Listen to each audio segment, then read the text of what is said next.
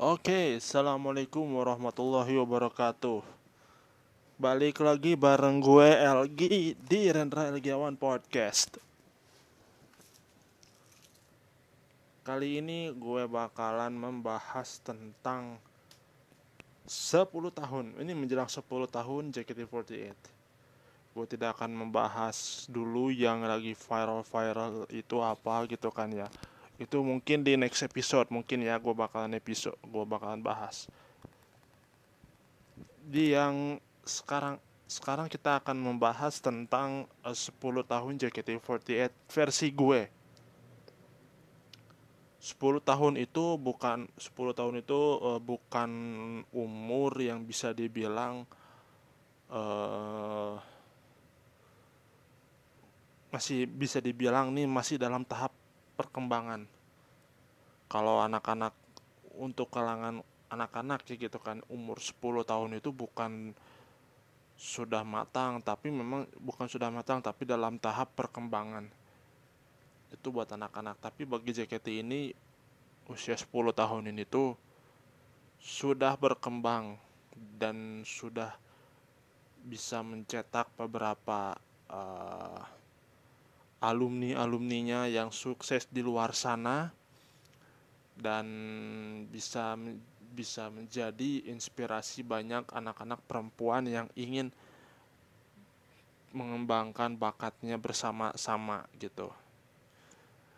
Terlepas dari beberapa uh, permasalahan-permasalahan yang uh, apa namanya yang yang bisa membuat nama JKT ini tuh semakin ada yang dikenal dengan ya dikenal dengan berbagai permasalahan, berbagai berbagai skandal di mata orang, tapi itu tidak membuat nama JKT itu hancur aja, tapi nama JKT itu besar karena karena besar karena segudang prestasinya gitu kan ya. 10 tahun itu memang masih tergolong muda bagi JKT itu. Beda dengan yang lain, kayak misalkan kita tahu bahwa Dewa 19 bakalan berusia 30 tahun pada tahun 2022 dengan mematangkan rencana jangka panjang yaitu ada single-single baru, ada tour konser 30 kota, 28 kotanya di Indonesia dan dua kotanya di negara tetangga. Itu salah satu proyek yang nggak main-main. Ini menjelang 30 tahun, 30 tahun aja masih bisa berkarya loh. Masih bisa disamaratakan dengan uh, musisi-musisi atau musisi-musisi lintas genre uh, lintas genre di bawahnya gitu kan ya. Termasuk JKT48 JKT48 ini merupakan uh, apa namanya merupakan salah satu idol group yang berasal dari luar Jepang tapi perkembangannya luar biasa gitu kan perkembangan perkembangan uh, dari segala cerita yang ada gitu kan dari segala keunikan para member-membernya para alumni alumninya gitu kan. Mungkin uh, bisa dibilang ini tuh salah satu step step milestone JKT48 menuju 10 tahun ini kayak gimana gitu.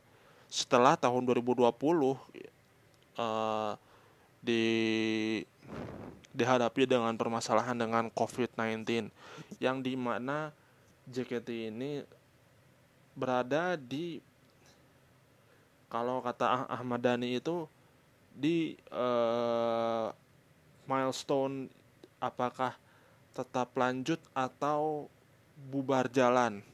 Tetapi dengan sangat dengan sangat keprihatinan gitu kan JKT tetap bubar jalan tapi dengan konsekuensi ada apa namanya dengan konsekuensi uh, pengurangan member. Itu memang mau gak mau harus dilakukan. Karena lagi pandemi seperti ini kan kondisi kondisional kan itu kan ya. Tapi alhamdulillahnya tahun makin lama makin lama pandemi ini semakin ber, semakin membaik. Dan kita berharap ya semuanya uh, berawal dari tahun 2021 punya rencana uh, jangka panjang. Gue yakin JKT ini juga punya rencana jangka panjang. Uh, kita nggak tahu uh, kita nggak tahu apa sih rencana jangka panjang ke depannya ketika pandemi ini terkendali.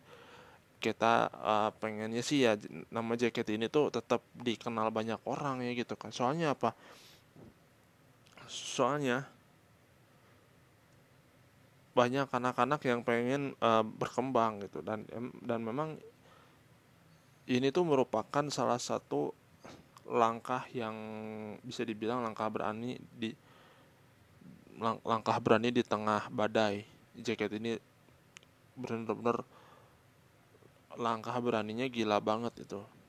Kalau band kalaupun kalaupun grup lain kalaupun grup lain tuh belum bisa melakukan langkah seperti itu ya untuk saat ini memang banyak ya eh, grup-grup lain gitu kan yang berusaha berusaha untuk uh, bersaing secara sehat dengan JKT gitu kan. Meskipun JKT sudah 10 tahun dan eh, grup-grup uh, lain tuh hanya baru baru terbentuk baru terbentuk tuh tiga tahun atau empat tahun atau setahun gitu kan ya yang penting um, ya, yang penting dengan hadirnya ini tuh menjadi uh, aura persaingan sehatnya kembali lagi gitu. Itu pandangan gue kalau misalkan uh, secara pribadi ya gitu kan ya. Bukan secara kalau secara umum pasti beda lagi gitu kan ya. JKT di mata member kalau masalah member-membernya mungkin ya mungkin ya gue tidak akan membahas lebih banyak karena takutnya kalau misalkan gue bahas satu-satu satu persatu member itu seperti apa ya pasti beda-beda gitu kan. Takutnya beda pendapat beda beda argumen itu kan. Ya gue tidak akan membahas itu lebih dalam. Tapi semest tapi ada ada beberapa member yang memang bahkan ex member gitu kan ya. Sukses di JKT sukses sukses juga di luar JKT itu banyak gitu kan ya kita tahu kita tahu ada Adisti Zara ada Nabila yang yang punya jalan jalannya masing-masing gitu kan. Ada juga Zahra Yurifa gitu kan. Udah dikenal main film ya dikenal. Terus makin dikenal lagi karena ikut Master Chef kan gitu kan. Itu jadi kayak daya tarik tersendiri gitu kan. Ini bahwa bahwa uh, eh, JKT ini JKT ini tuh bisa mencetak orang-orang sukses. Para perempuan hebat bukan cuman melodi doang yang perempuan yang hebat tapi gue yakin member-member yang sekarang yang tengah berjuang ini insya Allah gue yakin bakal jadi perempuan hebat di masanya. Gitu. Kalau untuk lagu-lagunya mungkin ya gue juga sebetulnya lagu-lagunya memang uh, lebih suka bahasa Indonesia yang mungkin ya gitu kan ya. Karena kan bahasa Indonesia bahasa Indonesia kan lebih dipahami gitu kan ketimbang bahasa bahasa Jepang gitu kan. Bahasa Jepang itu kan kayak SKI kayak Hakata kayak EKB gitu kan. Tapi ya ya sah sah aja gitu kan. Kalau misalkan uh, gue dengerin lagu-lagu dari JKT ini tapi lebih tapi dengerin juga lagu-lagunya Sakai itu kan. SKI48 AKB dengan AKB48 dengan judul lagu yang sama dengan bahasa yang berbeda gitu kan. Uh, apa lagi ya? Aduh kalau soal siapa member favorit sebetulnya member member favorit ini udah pada keluar semua gitu kan. Kalau member favorit gue gitu kan. Tapi ya kalau apa namanya kalau untuk saat ini ya saya paling paling suka Azana Syaliha. Pertama first of all dia lahirnya satu hari sama gue. Gue 7 Januari dia 8 Januari dan bedanya bedanya tuh cuma 11 tahun kalau nggak salah. Beda 11 tahun beda 11 tahun. Dia 9 eh dia 2005 gue 94 gue sembilan gue sembilan empat gitu kan. Beda 11 tahun gitu kan. Dan itu juga ngapain juga ya kalaupun dianya di, kalaupun dianya apa di, dianya paham eh dianya tahu gue pasti kita bakalan rayain bareng-bareng anjir. Terus yang kedua itu yang kedua itu adalah Stella Cornelia. Tapi memang pada pada saat gue kenal kenal JKT ya gue gue lebih sukanya melodi gitu kan. Tapi ya melodinya udah nikah ya udah gitu kan kita cari yang lain. Kalau Stella Cornelia alasannya adalah sama-sama penyuka AC Milan. Sama-sama Milanisti gitu kan. Terus apalagi ya pokok pokoknya pokoknya member-member favorit gue itu dari semua member JKT pasti ada sih gitu. Pasti ada tapi ya gue untuk saat ini mungkin hanya hanya seorang Asiel aja gitu baru baru baru Asiel gitu, gitu kan. Nah kalau kalau seka, sekarang kita bakalan ngobrol ngobrolin tentang apa ya namanya tentang perjuangannya. Ya kalau perjuangannya memang nggak gampang. Sama-sama nggak gampang. Misalkan ketika JKT48 ini baru terbentuk 10 tahun yang lalu itu bulan apa ya bulan November ya? Pertama pertama audisi gitu kan. Pasti perjuangannya nggak gampang. Apalagi kalau misalkan dari orang luar Jakarta itu kan. Orang luar Jakarta harus nekat harus nekat ke Jakarta ada yang sendirian ada yang dianterin sama keluarga ada yang juga memang udah stay di Jakarta. Udah stay di Jakarta sebelum jauh sebelum JKT itu dibentuk terbentuk gitu kan. Kayak Renan Rozawa Renan Rozawa kan dia uh, emang udah lama tinggal di Jakarta. Dia fasih bahasa Indonesia gitu kan. Fasih bahasa Indonesia dan dia dia udah nggak canggung lagi lah gitu dengan suasana Jakarta gitu kan saya kayak gimana. Cuman kan kalau misalkan kayak orang-orang baru kayak Kina, kayak Melody, kayak Friska kan mungkin pada saat mereka datang ke Jakarta tuh kayak kayak gimana sih Jakarta gitu kan? Oh kayak gini Jakarta tuh gini gini gini. Atau mungkin mengingatkan pada seorang Rendra Elgiawan ketika tahun 2000 menginjakan kaki di Jakarta eh tahun 98 di Jakarta. Tahun 98 menginjakan kaki kaki di Jakarta itu gue cuman tahunya Jakarta tuh ya antara Raden Saleh sama Raden Saleh, Klender, Jatinegara, udah Atrium Senen. Sampai sam, begitu terus sampai akhirnya gue benar-benar merasakan tinggal di Jakarta itu tak dua tahun setelahnya. Tahun 2000 itu tahun 2000 loh. Itu tahun 2000 sampai 2009 dan bisa kalian bi, kalian bisa bayangin dong gue 9 tahun di Jakarta.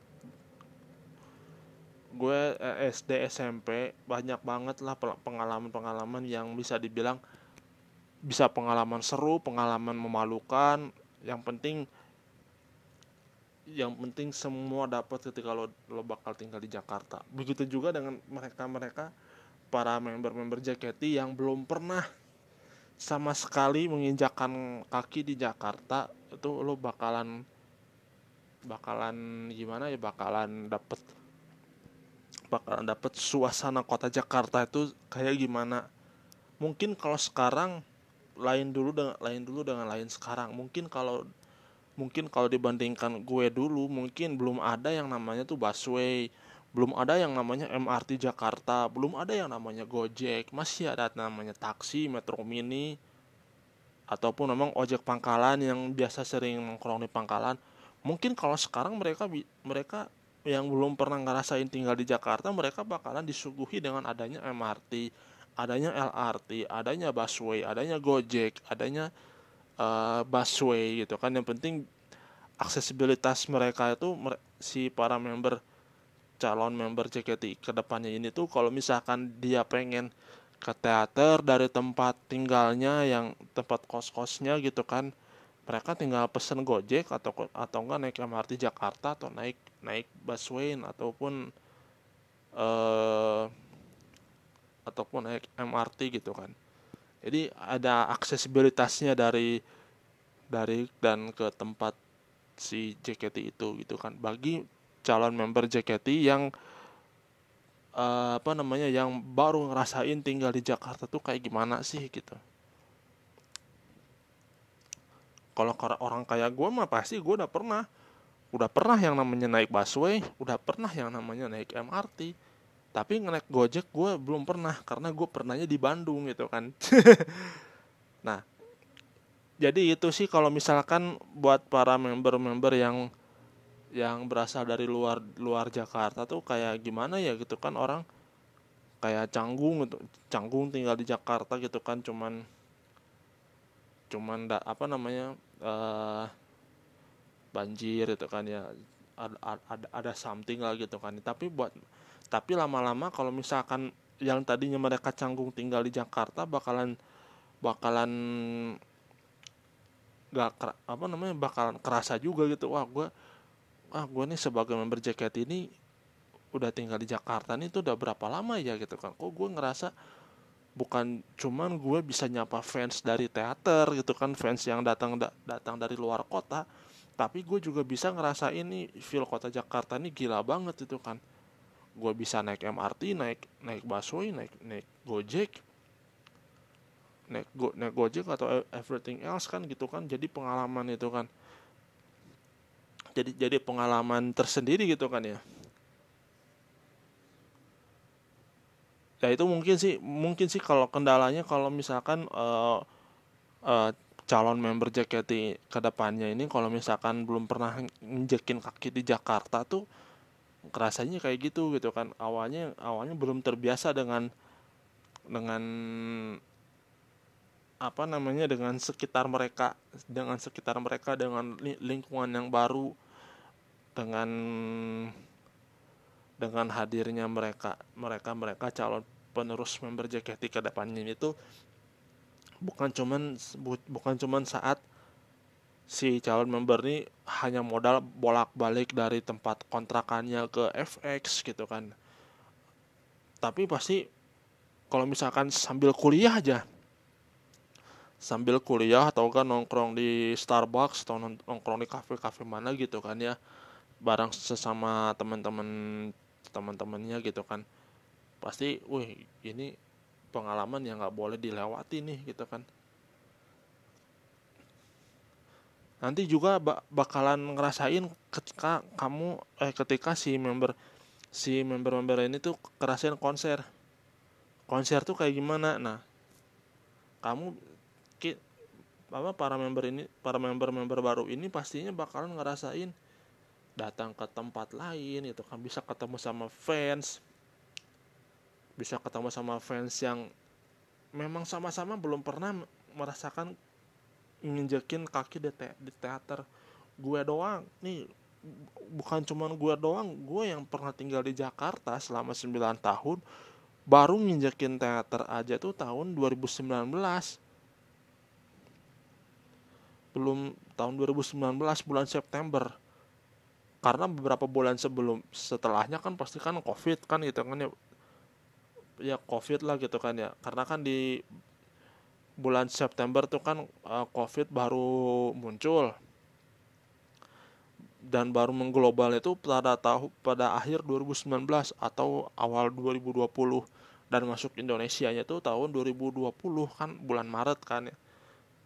Bulan Maret.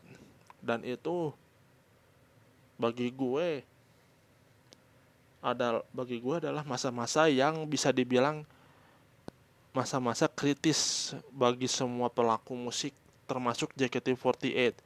JKT48 JKT kan e, biasanya kan selalu mengandalkan e, mengandalkan teater langsung atau bayar handshake tapi begitu dengan adanya covid mau nggak mau harus memutar otak memutar otak gimana nih biar gimana nih biar jaket ini tetap bisa bertahan di, bisa bertahan di, di di kala pandemi gitu kan bertahan di badai di tengah badai.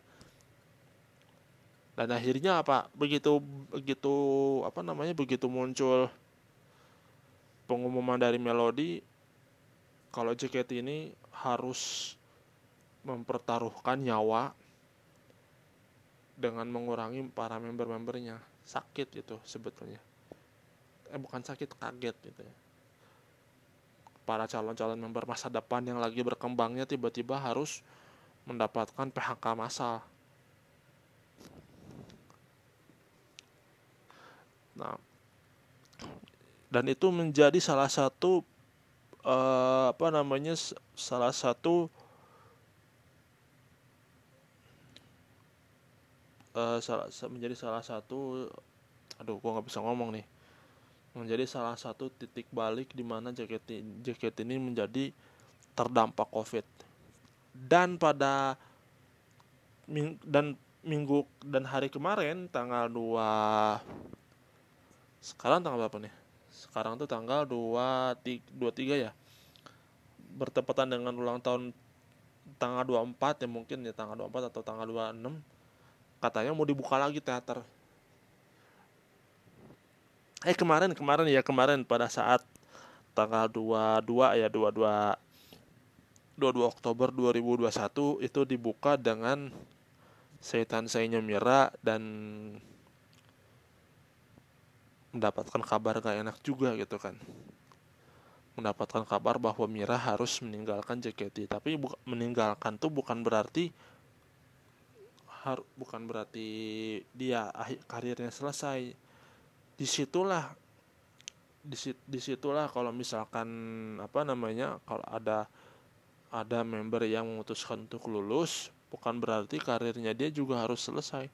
Karirnya dia gue yakin di luar JKT pasti ada aja gitu kan. Mungkin kemarin Mira oke okay lah graduate karena sakit karena efek cedera yang berkepanjangan dan mungkin terlalu dipaksakan. Ya mungkin yang ya mungkin inilah resiko seorang idol gitu kan. Resiko seorang idol gitu kan. Kalau mau harus sempurna ha harus banyak-banyak latihan. Seperti yang pernah diutarakan Kurt Cobain gitu kan.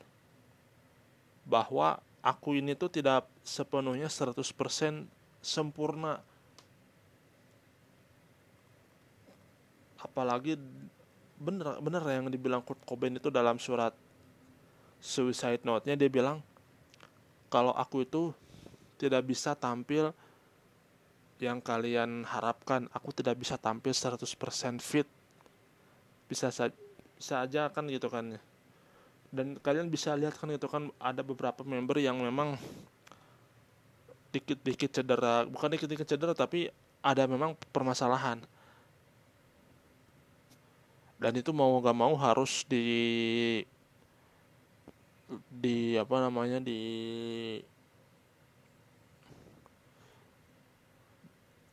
dilakukan. Maksudnya dilakukan tuh ya dia harus graduate dia harus meninggalkan tempat yang membesarkan namanya.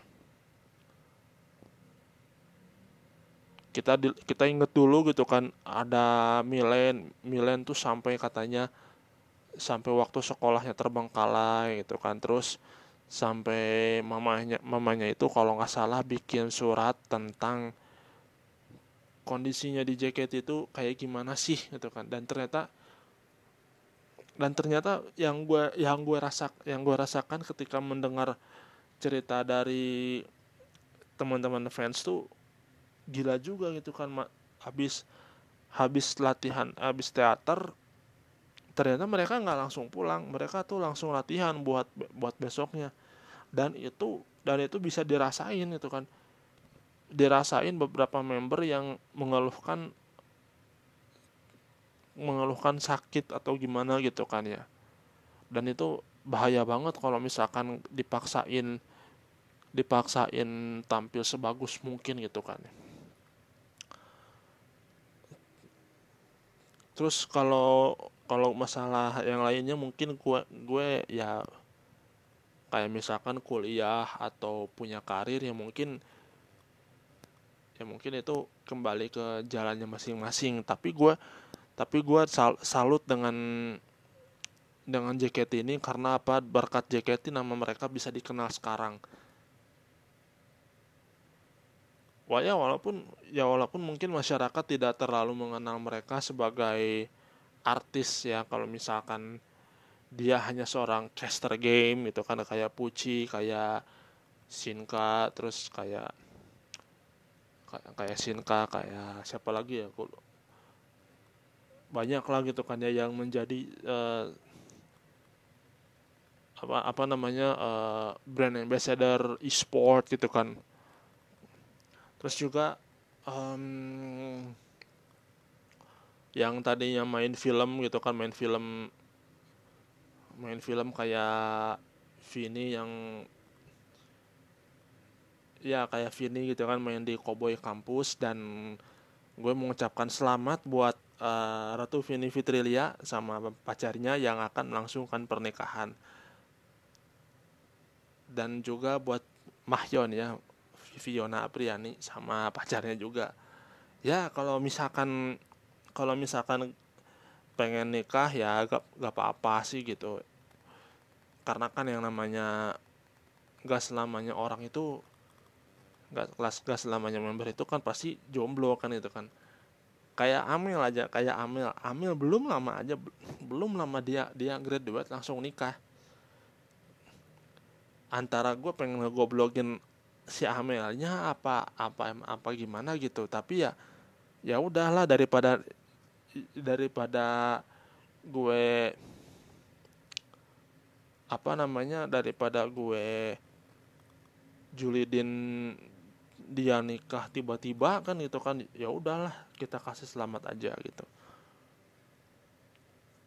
Harapannya harapannya buat gue harapannya buat JKT di 10 tahun ini itu bisa menja bisa tetap apa namanya tetap berkembang dan bisa menjadi uh, calon idol grup yang melegenda di era 2010-an kalau mungkin 90-an itu kan ada ada AB3 tapi AB3 itu lebih ke grup vokal ya gitu kan. Bukan idol grup lebih ke kayak uh, lebih ke apa namanya bisa menjadi idol grup yang paling legend di Indonesia gitu kan di khususnya di tahun memulai era tahun 2010-an gitu kan karena kan idol group ini kan munculnya kan di tahun 2010-an kan ya gitu ya. Kalau keseluruhannya memang ya ya banyak gitu kan. Banyak yang legend kayak kayak AB3 Project Pop, kayak kayak apa namanya gaul kayak gaul gitu kan gaulnya Saipul Jamil atau FC-nya Jerian juga mungkin ya. Atau mungkin sister grupnya sendiri EKB gitu kan. EKB kan udah legend duluan tuh udah udah 16 tahun ya mungkin. Uh, mungkin 4 tahun lagi lah umur berumur 20 tahun.